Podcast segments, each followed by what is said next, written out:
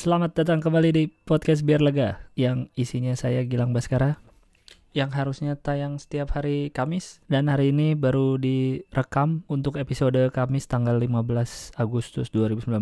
Baru direkam hari Kamis juga tanggal 15 Agustus jam setengah 12 malam. Jadi sudah pasti akan diupload uh, Jumat tanggal 16 Agustus. Ya tidak apa-apa, namanya juga hiburan gratis ya, tidak boleh protes bagi yang mendengarkan kenapa sering telat lagi udah tahu orang ngomong gini doang didengerin ya sekarang mau apa nih? Mau bahas apa nih? Kayaknya udah ada catatan kemarin. Biasa baca baca email yang masuk dulu. Terus-terusan dong kirim email dong biar biar gua ada bahasan terus. Di podcast biar lega at gmail.com buka email dulu ya dari Agung Rizky. Manggi Bang Laskara. Ah baru dimulai sudah mau melucu. Saya tidak mau baca emailnya. Kenapa sih mesti melucu gitu? Sorry Agung Rizky emailmu hanya saya baca dari awal. Manggi Bang Laskara sudah tidak saya lanjutin lagi. Ah. Roni Roni. Kanal Roni at gmail.com Bang Gilang, gue baru download special stand up lu di comika.id. Mantap, sudah membeli. Terima kasih banyak sudah membantu saya dalam buat uang membeli pulsa dan membeli token listrik. Dan gue nonton sampai beres. Tentu dong, masa udah beli nggak ditonton sampai beres, sayang dong. Dap gue dapet satu poin yang mungkin melekat di diri lu. Yaitu lu orangnya real. Nggak mau ikut orang sekitar selama menurut lu nggak masuk sama pikiran lu. Contohnya kayak beat lu tentang mobil, komen-komen cantik di Instagram Raisa, dan tentang kebiasaan netizen. Menurut lu bang, untuk ke depan, populasi orang kayak lu, dalam kurung, dan mungkin orang, eh, dan mungkin banyak orang lain di luar sana, harusnya tetap menjadi sisi real atau justru mulai belajar untuk menurunkan standar dan ikut dengan gelombang ke mainstreaman orang-orang dunia fana ini. Kasih gue alasan yang logis dong bang, Thanks udah bacain. By the way, gue tunggu video ketiga lu bareng Uus dan Boris yang bahas Unpar versus Unpad. Uh, terima kasih banyak sudah membeli dan mengirim email, sudah membeli spesial saya. Sotoy banget lu, orangnya real bang. Tahu dari mana? Cuma cuma ngeliat dari materi doang. Orangnya real. Uh, nggak mau ikut sek orang sekitar selama menurut lu nggak masuk sama pikiran lu. Kayaknya berarti semua komik kayak gitu dong. Semua komik kan materinya pasti uh, ngebahas sesuatu ini kan dibilang kan contohnya kayak gue bahas tentang mobil soal komen Instagram Raisa berarti kan semua komik juga begitu. Semua komik juga pasti kan ada bahasan yang dia yang dia resahin. Berarti sama aja dong. Berarti semua komik menurut lo orangnya real. Hebat sekali anda bisa tahu kalau uh, merasa gue orangnya real. Padahal gue juga gak tahu emang gue real ya. Siapa tahu yang gue tunjukkan di stand up gue itu adalah topeng yang gue bangun biar gue kelihatannya real. Ya enggak ya gak ya berarti gue berhasil menipu lu siapa namanya tadi? Roni Roni. Berarti lu berarti gue berhasil menipu anda kanal Roni at gmail.com sehingga anda menyangka bahwa saya real. Yoi. Nggak sih nggak tahu sih. Gue nggak merasa gimana gimana uh, intinya adalah gue di gua di stand up dan gua sehari-hari gua merasa sama aja sih. Nggak ada bedanya kayaknya deh. Kan ada yang di dibangun gitu ya personanya kayak kayak si Viko dulu waktu di Suci itu kan dia kan kayak blow on blow on gitu kan. Padahal aslinya kan kagak blow on orangnya. Eh Dodit juga eh kalau Dodit emang ngomongnya lambat sih. Maksudnya tapi dia kan digayain kayak polos itu kan dibangun personanya. Uh, Uus sengaja ya dia sengaja kan kayak menggoblok-gobloki dirinya sendiri gitu kan di panggung tuh kayak eh, kelihatannya tolol gitu orang tolol gitu. Padahal aslinya enggak biasa aja. Enggak sih aslinya tolol beneran sih. Jadi gue merasa gue di stand up kayaknya nggak ada bedanya sih. Gitu aja cuma mungkin aslinya gue nggak sebanyak ngomong kalau di stand up tentu saja. Karena di stand up habis harus ngomong. Jadi kalau lu bilang gue orangnya real Hmm, mungkin, mungkin. Tapi gue kalau uh, untuk bikin materi startup kan dari kejujuran ya. Gue gue merasa selama ini ya kalau gue nonton komik lain ada beberapa komik yang kayak gue merasa kalau ngeliat dia stand up tuh gue ngerasa belum bisa sejujur sejujur uh, dia gitu. Kayak misalkan kalau gue nonton Adri dan bahasan-bahasannya gitu. Gue kayaknya ngerasa anjing nih orang berani banget sejujur itu di panggung gitu. Atau ngeliat komik siapa lagi ya yang gue kepikiran ya? Adri sih waktu itu gue lupa dulu dia pernah stand up soal apa gitu di stand up fest tahun 2015 apa ya 2014 kayak wah gue sebagai komik ini belum berani se sejujur itu gitu. Menurut gue ya. Ya yang gue bawain tentu saja jujur tapi gue merasa belum bisa se segitunya gitu. Kayak beberapa komiknya keren banget bisa lebih jujur. Jadi tapi terima kasih kalau lu merasa gue real padahal gue biasa aja. Eh, lanjut. Tanya Bang Gilbas. Hmm, who's eh tunggu tunggu who's your first crush? And what's the most romantic thing you do to your girlfriend? Thanks in advance. I enjoy your podcast a lot. Wow. Who's your first crush? Crush. Siapa ya? Pertama kali naksir ya? Hmm. SD SD kayaknya nggak ada yang naksir deh. Ada sih yang suka doang tapi kayaknya ya masih SD nggak inget lagi dah What's the most romantic thing to do you do to your girlfriend? Nggak tahu dah. Gue nggak tahu sih karena gue tidak pernah merasa uh, masa gue menilai sendiri masa gue menilai sendiri yang gue lakukan kan aneh gitu uh, menilai kayak uh, wah gue pernah melakukan hal romantis ini loh. Ih pede banget menilai diri sendiri romantis. Jadi nggak tahu sih.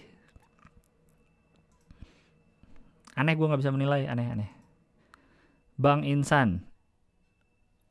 Oelik at gmail.com Sumpah bang, gue juga ngakak waktu abang bacain ciri-ciri pengguna narkoba versi BNN di episode podcast kemarin. Berarti si Anyun Cadel patut dicurigai itu bang, betul. Karena Anyun Cadel. Terus ciri-ciri ciri-ciri orang cadel eh ciri-ciri orang pengguna narkoba menurut BNN adalah salah satunya cadel. Ya siapa tahu si Anyu narkoba kan gue nggak tahu. Uh, email terakhir. Berarti kemarin seminggu kemarin ada dapat berapa email ya? Tuh dua tiga eh tuh dua tiga empat. Empat lumayan empat email uh, subjeknya gue pengen lega. Apa coba? Rian Ardianto nama orangnya. Rian Ardianto. Assalamualaikum Bang Gilbas Waalaikumsalam. Gue Zahra usia 20 Kenapa namanya Zahra? Emailnya Rian Ardianto. Gue Zahra usia 24 tahun. Emang nama email gak sesuai sama nama asli gue Tapi sebenarnya jenis kelamin gue perempuan. Jadi dia namanya Zahra usia 24 tahun perempuan tapi nama emailnya Rian Ardianto. Kenapa ya? Gue baru tahu ada orang bikin nama email sejauh ini. Biasanya kan email kan kayak misalkan uh, Zahra terus misalkan kalau zaman dulu tuh bikin email namanya Zahra uh, Capricorn Girl gitu misalkan atau Zahra Licious gitu atau kalau gue dulu uh, email pertama gue adalah G underscore L A N K Jileng asik. At plaza.com plaza P L A S A. Tuh dulu punyanya Telkom tuh plaza.com kalau nggak salah. Terus uh, waktu itu selalu waktu SD suruh bikin email kan ada pelajaran komputer belajar bikin email akhirnya bikin email di plaza. Aneh banget Jileng Nora. Email kedua gue juga masih Nora waktu itu di Yahoo. J U M P underscore Alitan jam Alitan. Ih gila. Keren dah dulu email emailnya cukup panjang nih ya si siapa tadi namanya Rian Ardianto Bang, jadi gini, gue tuh orangnya cuek dan agak ignorant, terus malas buat ngurusin hal-hal yang ribet. Semua orang juga kayaknya malas ngurusin hal-hal ribet. Teman gue dikit karena emang milih-milih. Gue temenan yang sama yang sefrekuensi. Nih, nulis nggak ada enternya. Bingung bacanya, padat banget. Teman gue dikit karena emang milih-milih gue temenan sama yang sefrekuensi sama gue aja. Sehingga gue tuh kalau ketemu sama lingkungan orang-orang yang beda frekuensi sama gue sukar untuk nyatu dengan obrolan mereka. Kayak misal jokes gue sama teman-teman deket gue tuh beda sama jokes teman-teman yang gak terlalu deket sama gue. Jadi kalau ngumpul ada yang ngejokes yang lain pada ketawa ngakak gue cuma senyum doang kadang dia nggak nanggepin dianggapnya gue tuh sombong padahal emang nurut menurut gue jokesnya nggak lucu aja. Nah sama halnya kalau lagi liburan sama keluarga gue diem diem aja karena nggak asik aja obrolan mereka dan jatuhnya gue yang dijat sama keluarga gue sombong dan gak sosial orangnya. Makanya kalau ada undangan liburan atau kondangan keluarga gue nggak bakalan datang karena males aja. Pasti situasinya akan seperti itu jatuhnya lagi gue dianggap lebih mentingin apa tuh temen dibanding keluarga. Yang mana kata keluarga gue ntar kalau gue ada apa-apa yang bantu pasti keluarga bukan temen gue jadi gue semakin confused sama situasi gue sekarang. Kalau gue cuma mau temenan sama yang sama karakternya gue tuh agak susah. Eh gimana sih? Kalau kalau gue cuma mau kalau gue nggak ada komanya sih. Kalau gue cuma mau temenan sama yang karakternya kayak gue tuh agak susah untuk berbaur sama orang-orang yang beda selera sama gue sama juga kalau lagi deket sama cowok bang. Kadang gue ngerasa cowok-cowok yang lagi PDKT sama gue tuh nggak asik karena nggak satu frekuensi sama gue dan malah berakhir nggak jadian. So gue pengen minta tips dari lo bang. Kira-kira gue harus ngatasinnya gimana? Gile. Masalah lo panjang bener. Jelas aja lo nggak nggak ada orang yang sefrekuensi sama lo karena lo aja namanya Zahra email Rian Ardianto. Nggak ada orang yang emailnya sejauh itu sama namanya menurut gue nih biasa aja sih. Maksudnya bukan biasa sih kayaknya gue juga mengalami hal kayak gitu. Maksudnya wajar lah lu sama teman-teman deket nyambung. Ya iyalah lu lu bisa jadi deket karena satu frekuensi kan? Ya dong lu sering bareng sama dia jadinya satu frekuensi terus kalau ada yang nggak terlalu deket nggak nyambung. Ya iyalah karena lu nggak deket sama yang nggak deket sama mereka jadi nggak akan nyambung dong. Gimana sih? Gue bingung jadinya kalau lingkungan beda frekuensi iya namanya juga beda frekuensi ya wajar lah. Kita ini kan ada ada tipenya eh tipe maksudnya menurut gue nih golongan orang yang kita kenal nih kan ada yang cuma kenal ada yang temen gitu ada yang sahabat yang sampai deket banget gitu. Yang kenal kan yang itu cuma sekali ketemu gitu ya udah itu kan bukan temen kayak cuma ya pernah kenal gitu sama orang. Kalau teman menurut gue emang harus milih-milih sih dulu kan dibilang uh, berteman sama semua orang. Enggak sih kalau gue kenal sama semua orang nggak apa-apa tapi temenan belum tentu sama semua orang. Karena nggak semua orang asik buat ditemenin. Apalagi orang so asik. Nah tuh nggak asik tuh. Eh nggak itu paling paling malas buat ditemenin tuh. Jadi menurut gue wajar aja sih milih-milih temen. Terus uh, umur 24 tahun terus merasa nggak deket sama keluarga lebih deket sama teman terus kayak gitu males kalau acara keluarga. Sama gue juga kok sampai sekarang malah. Nggak tahu sih. Gue juga nggak tahu sih itu bener apa salah. Jadi gue tidak bisa memberi saran mana yang sebaiknya lu lakukan atau yang sebaiknya tidak lu lakukan. Tapi gue juga mengalami hal yang sama. Jadi menurut gue ya biasa aja lah selama lu nggak. Tapi lu udah sampai dibilang gitu sih. Sampai dibilang oh uh, dianggap lebih pentingin teman gue nggak pernah sampai dianggap lebih pentingin teman sih. Walaupun lebih sering main sama temen nggak tahu ya. Terus kalau deket PDKT nggak nggak lu nggak asik sampai akhirnya nggak ada yang pernah jadian. Ya mungkin emang lu nggak itu aja kali nggak nggak pas aja kali sama itunya sama cowoknya.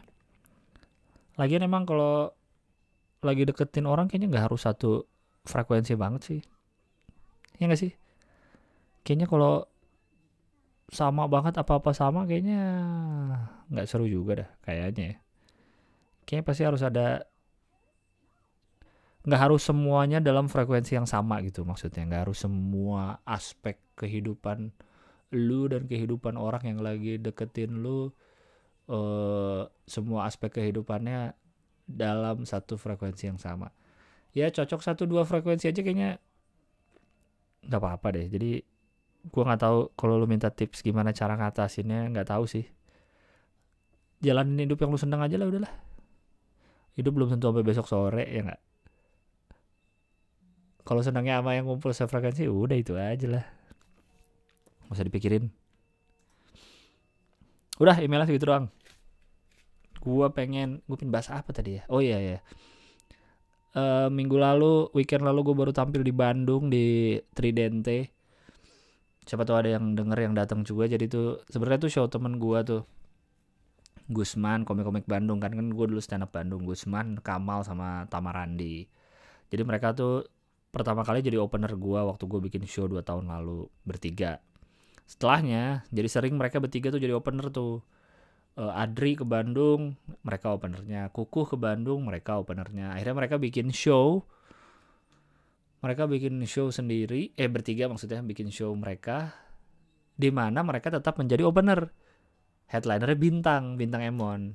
Begitu. Terus pas gue tahu mereka mau bikin gitu uh, eh, gue merasa nggak tahu sih gue pengen pengen bantuin gitu kayak gue bantu-bantu dong gue ngapain dong? Ikut kayak jadi MC atau apa gitu. Akhirnya gue tampil juga dibolehkan oleh mereka. Akhirnya gue menjadi opener mereka jadi mereka opener bintang Emon gue jadi opener mereka. Bingung kan? Jadi gue tampil paling pertama uh, sebelum mereka kemarin tampil di uh, hotel Moxie di Bandung. Tuh hotel lumayan baru sih hotel lumayan baru. Kayaknya lagi ada kerja sama sama anak uh, stand up Bandung. Jadi dapat tempat di situ. Tempatnya enak. Menurut gue tempatnya enak ya. Nontonnya 100 penontonnya tuh nggak kapasitasnya nggak banyak sih 150-an tapi full. Terus malamnya gue kan ikut jadi gue ikut bantu-bantu mereka juga kan kayak gila gue udah udah show mereka gue nebeng mau ikutan panggungnya pakai level gue yang bawa pakai mobil gue gile. Ya udah kayak show gue sendiri malamnya gue ikut rapi-rapi kursi ikut ngeset-ngeset lampu. Padahal show mereka. Terus uh, jadi di set panggung kan panggungnya pakai level. Paling tingginya kayaknya nggak nyampe 30 cm sih terus dibikin kursi sama kursi sama panggungnya tuh deket. Dibikin jaraknya tuh deket banget gitu. Panggungnya jadi kan ruangannya memanjang persegi panjang. Panggungnya ditaruh di sisi panjangnya bukan di sisi lebar. Biasanya kan bikin panggung di sisi lebar kan jadi penontonnya memanjang ke belakang. Tapi ini diputar jadi panggungnya di sisi yang panjang jadi penontonnya tuh ada di depan ada di kanan ada di kiri. Jadi biar beda aja gitu suasananya dibikin padat. Sampai 150 udah kejual awal tuh 60-an ternyata on the spotnya lumayan banyak jadi harus nambah kursi lagi. Thank you banget yang udah datang semua. Gue happy banget sih tampil di Bandung kemarin. Selain udah lama nggak tampil di Bandung gue juga seneng bentuk shownya gitu. Kecil eh, nggak uh, nggak yang rame banget terus deket sama penonton. Gue sih emang udah rencana ya kalau siapa tahu tahun depan insya Allah saya akan bikin show dan tour. Gue pengennya sih venue yang kecil-kecil sih. Gue ngebayangin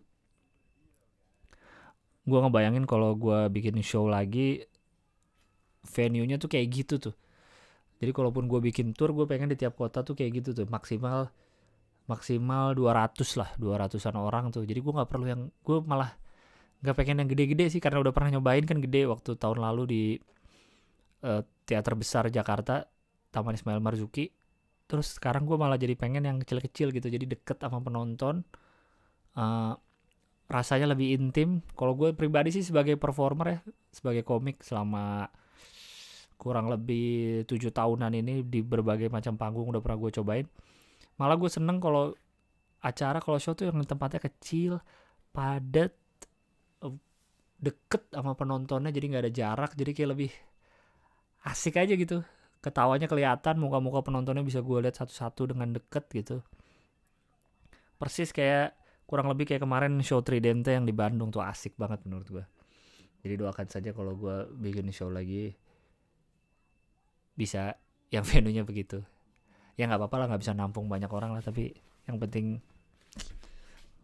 kepuasannya aja gitu. Terus kemarin gue juga udah lama tuh nggak ngeliat anak-anak tuh nggak ngeliat Gusman nggak ngeliat Kamal nggak ngeliat Tama tampil. Jadi dan ngeliat mereka progresnya luar biasa sekali sih. Luar biasa. Semakin ke sini semakin lucu bagus lah jadi nggak gue doang yang paling lucu di show itu kemarin. Gue kemarin tuh selalu bilang pas di show pas di radio sebelumnya malamnya di di 99ers gue bilang gue tuh penyelamat shownya gitu. Karena gue lihat uh, gue lihat pas gue lihat di poster isinya mereka bertiga sama bintang Emon terus wah ini gue harus bantu nih. Walaupun kata mereka iya sih tapi kayak gue nggak nggak nggak nggak itu sih. Kayaknya gue juga tidak mendongkrak penjualan. Itu rame kayak emang ya emang rame aja gitu mau nonton mereka terus sudah lama nggak ada show lagi di Bandung kalau nggak salah ya. Udah lama nggak ada show stand up lagi di Bandung jadi pasti orang Bandung kangen dengan acara stand up jadi acara kemarin bisa lumayan rame jadi sekali lagi terima kasih yang sudah datang bulan depan di Bandung tuh September ada turnya Indra Frimawan pengakuan di situ juga tempatnya di Moxie juga di lantai atas itu. Jadi silahkan datangi lagi yang pada warga Bandung. Kalau nggak salah sih anak-anak tuh pengen bikin rutin sih sebulan sekali. Kalau nggak salah ya semoga bisa kejadian sih. Gue dari dulu pengen banget tuh. Dari awal gue bikin show di stand up, eh di stand up, bikin show yang 2017 di Bandung tuh rencana gue tuh pengen Bandung punya show yang rutin. Show yang rutin sebulan sekali jadi biar masa udah tahun ketujuh harusnya orang Bandung tahu dong kalau di Bandung tuh ada komunitas stand up Bandung dan orang Bandung harusnya harusnya setiap st komunitas stand up di masing-masing kota tuh punya komik yang menjadi lokal heroes gitu komik yang terkenal sekotanya gitu paling enggak jadi kalau si komik ini bikin acara orang-orang Bandung tuh tahu gitu. Jadi nggak perlu nunggu komik nasional atau komik ibu kota Jakarta yang datang tapi tahu nih kalau di Bandung nih ada komik si ini gitu. Ada Gusman ada Kamal gitu ada Tama. Jadi tahu kalau di kotanya ada komik jagoan juga. Semoga aja kejadian sih rutin di Bandung jadinya. Ada ada show terus gitu.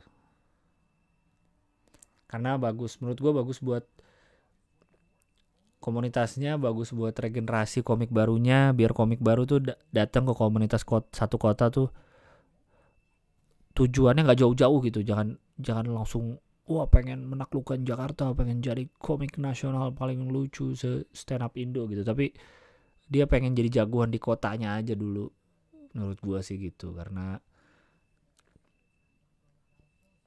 kayaknya masih banyak kota-kota yang belum tahu kalau atau belum tahu kalau di komunitas stand up tuh ada di kotanya atau belum tahu komik jagoan di komunitas di kota mereka tuh siapa aja. Dan show yang kemarin tuh ya show yang Tridente tuh emang gue kan nggak ngurusin ya, cuma gabung anak-anak banyak ngurusin kan soal venue segala macam. Ada kerjasama sama Go Live, Go Live-nya Gojek gitu. Itu kayaknya show paling paling memanjakan penonton sejauh ini nih sejauh gue datang ke show-show stand up bayangin harga 100 ribu tiketnya. Harga 100 ribu komiknya 5 tempatnya di rooftop.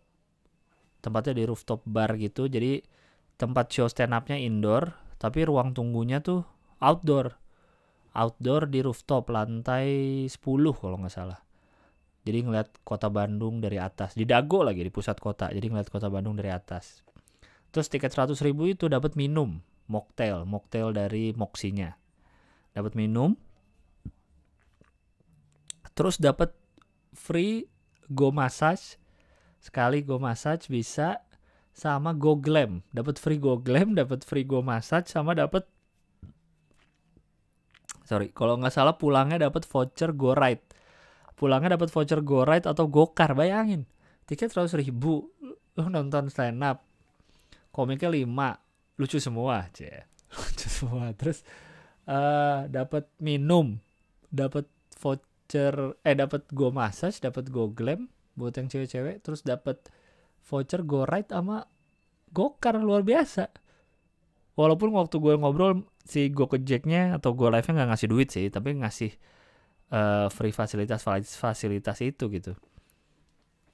Ya lumayan lah hitungannya dan bisa menjadi gimmick penjualan yang yang oke okay gitu siapa tahu aja mungkin ada orang yang senang mungkin.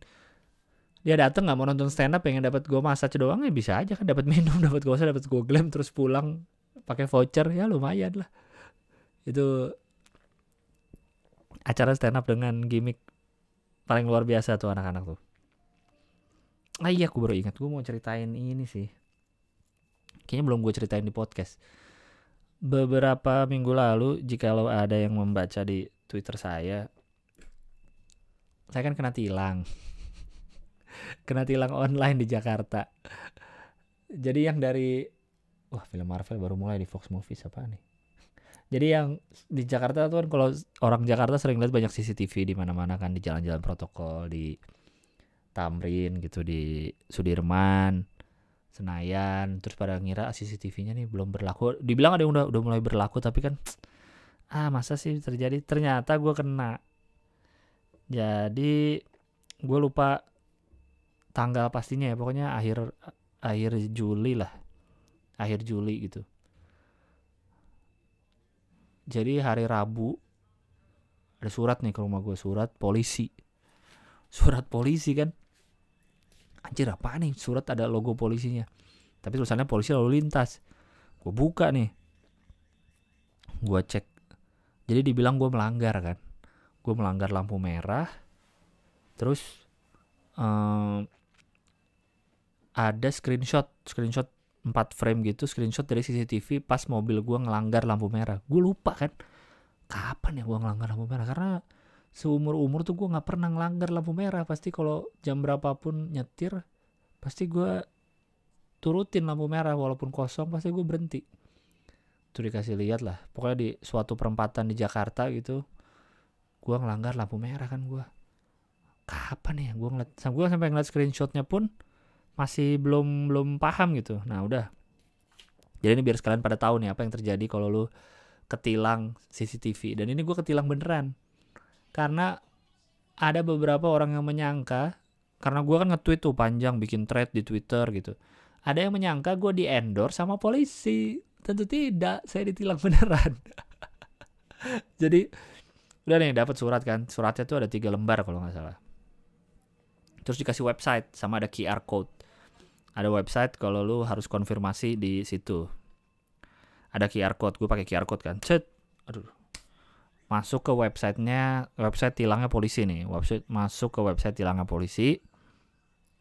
Lalu di website itu di website itu langsung masuk ke page kita lah karena masuk pakai QR code kan langsung page kita ada screenshot yang sama dengan di surat lalu ada tombol download tulisannya klik untuk melihat video pelanggaran Anda itu satu-satunya link video yang tidak gue harapkan ada di internet. Klik link download ada klik link untuk download pelanggaran Anda ya Allah. Untungnya bukan link download kayak lo download itu tau, kayak lo download dari internet yang sekelilingnya ada iklan-iklan judi, judi judi-judi online tuh yang ada tombol link download palsunya. Kalau ini enggak, cuma satu di website polisi, tidak ada sponsor-sponsor judi online. Jadi pas diklik ada tuh video 5 detik video 5 detik saat mobil gue melanggar dan CCTV-nya tuh bagus banget. Jadi lu jangan bayangin kayak CCTV yang tersendat-sendat gambarnya gitu yang tidak jernih. Ini vi videonya jernih banget walaupun itu malam kan. Tapi jelas gitu terang. Plat nomor gue terzoom apa terlihat dengan jelas jadi pas di zoom tuh nggak pecah. Jadi gue bisa ditilang. Uh, by the way si polisi tuh tahu alamat kita karena dari plat nomor ya. Jadi jadi dari plat nomor gue dicek STNK-nya atas nama gue kan akhirnya dikirim surat ke rumah pas lihat dari CCTV itu gue baru inget kenapa gue melanggar waktu itu waktu itu kan udah agak malam terus jadi gue mau pergi ke suatu tempat ngikutin taksi. Temen gue di taksi. Karena gue nggak tahu tempatnya jadi gue ngikutin taksi temen gue itu. Nah jadi kayaknya di perempatan itu gue terlalu fokus ke taksi sehingga tidak menyadari bahwa sudah lampu merah. Begitu ceritanya. Yang gue lihat dari CCTV tuh taksinya melanggar juga. Di sebelah gua ada mobil Suzuki R3 melanggar juga. Jadi harusnya si taksi Bluebird nih taksi Avanza sama R3 di sebelah gua harusnya itu tuh harusnya dapat surat juga dari polisi tuh. Tahu deh harusnya dapat tuh mereka tuh. Terus udah tuh ternyata itu gue langsung oh pas ini nih melanggar. Ya udah. Uh, terus lu disuruh ngisi formulir. Jadi sebenarnya kan suratnya tiga lembar tuh. Lembar pertama tuh kayak tentang lembar pertama isinya kayak ada pasal-pasal segala macam. Lembar kedua kalau nggak salah tuh screenshot yang kita melanggar, terus screenshot kita melanggar, terus ada pasal yang kita langgar. Yaitu adalah kalau gue red light running namanya, jadi melanggar lampu merah. Ada tuh pasal yang kita melanggar. Uh, lembar terakhir kalau nggak salah itu formulir apa empat lembar ya, ya itulah lupa formulir. Cuma masa udah ditilang online diselesaikan dengan offline? Males dong. Kalau di kalau mau pakai offline tuh jadi nulis for, formulir kita isi ntar kita bawa ke pos apa gitu di daerah Tebet kalau nggak salah lupa. Karena gue males gue isi hmm, gue isi di online di websitenya. Jadi isinya tuh kayak apakah itu benar mobil anda? Gitu. Apakah saat itu anda yang nyetir? Kayak gitu-gitu gitu. Uh, bener nggak itu mobil anda? Bener nggak anda nyetir? Karena kan bisa aja waktu itu bukan kita yang bawa mobilnya kan? Udah habis itu masukin alamat apalagi ya pokoknya sim kita diterbitin di mana alamat apalagi ya nomor HP email. Udah sih pokoknya kalau gue kan ya karena gue emang gue yang nyetir jadi iya ya mengaku uh, ini saya yang bawa itu mobil saya. Terus udah deh habis itu kita dapat SMS akan dikirim virtual account BRI. Jadi kalau nggak salah Rabu tuh kan, Rabu gue langsung isi. Kamisnya besoknya Kamis siang gue dikirim tuh virtual account BRI untuk bayar. Dan ini kan ini kayak kalau lu pernah ditilang polisi ya, lu kan ada yang sidang, ada yang bayar ke bank. Kalau sidang kan nanti SIM lu ditahan, STNK ditahan, terus dikasih tanggal lu sidang gitu kan. Kalau bayar di bank tuh lu bayar denda maksimal kayak dulu sebelumnya gue di Bandung pernah uh, salah masuk jalan kalau nggak salah gitu. Jadi jalan itu tuh sebenarnya dua arah tapi dua arahnya tuh ada jam-jam tertentu atau hari tertentu gitu. Gue belok kecuali angkot gitu. Gue belok ke jalan itu. Padahal waktu itu hari itu nggak dua arah. Gue ngikutin angkot udah gue kira boleh. Eh ternyata gue ketilang. Nah waktu itu gue milih bayar di bank biar cepet kan. Males sidang di Bandung ntar harus ke Bandung lagi segala macam akhirnya gue bayar di bank lima ratus ribu. Yang denda maksimal bayar di BRI Asia Afrika kalau nggak salah waktu dulu tuh deket alun-alun. Nah, yang sekarang juga gitu. Jadi karena gue mengakui kesalahan segala macam lampu merah itu denda maksimal.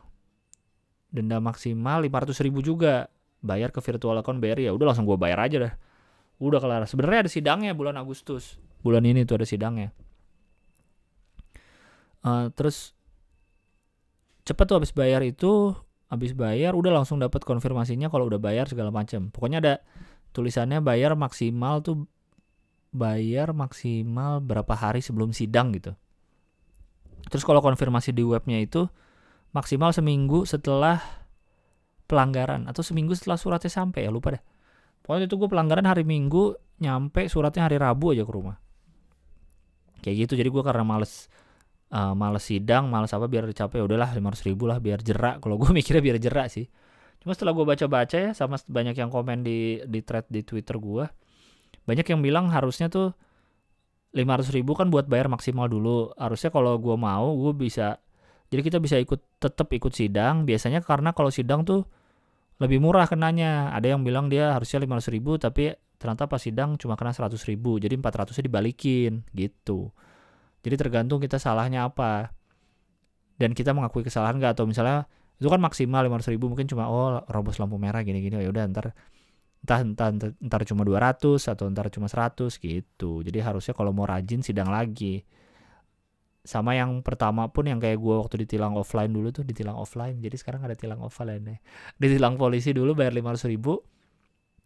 Jadi harusnya gue bisa tetap datang di tanggal sidang untuk minta kelebihannya gitu, kelebihan bayarnya gitu.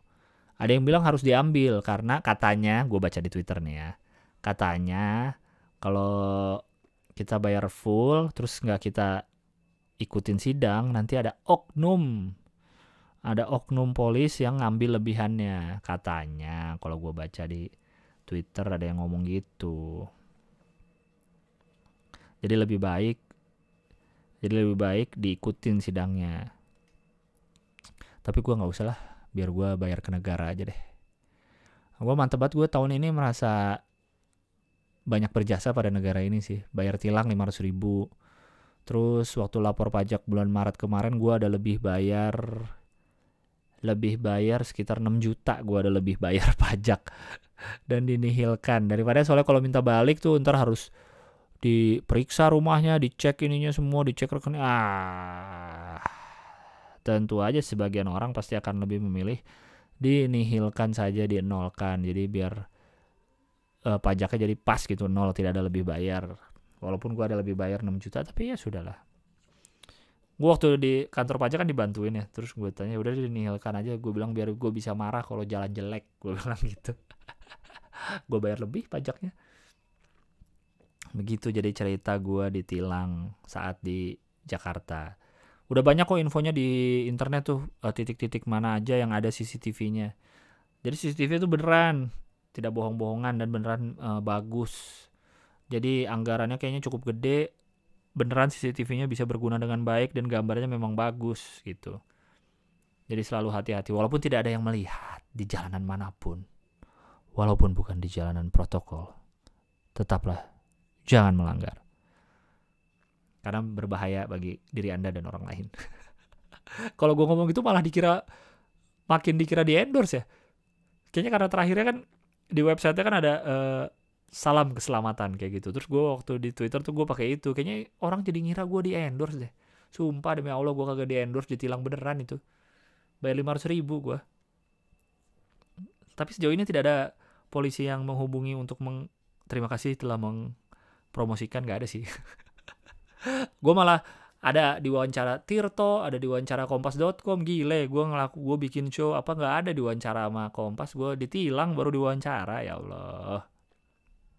Ada-ada aja lah. Walaupun yang Tirto, gue jadi pengen ngomong dikit nih, si wartawan Tirto nanya nih, kan WhatsAppan, nanya.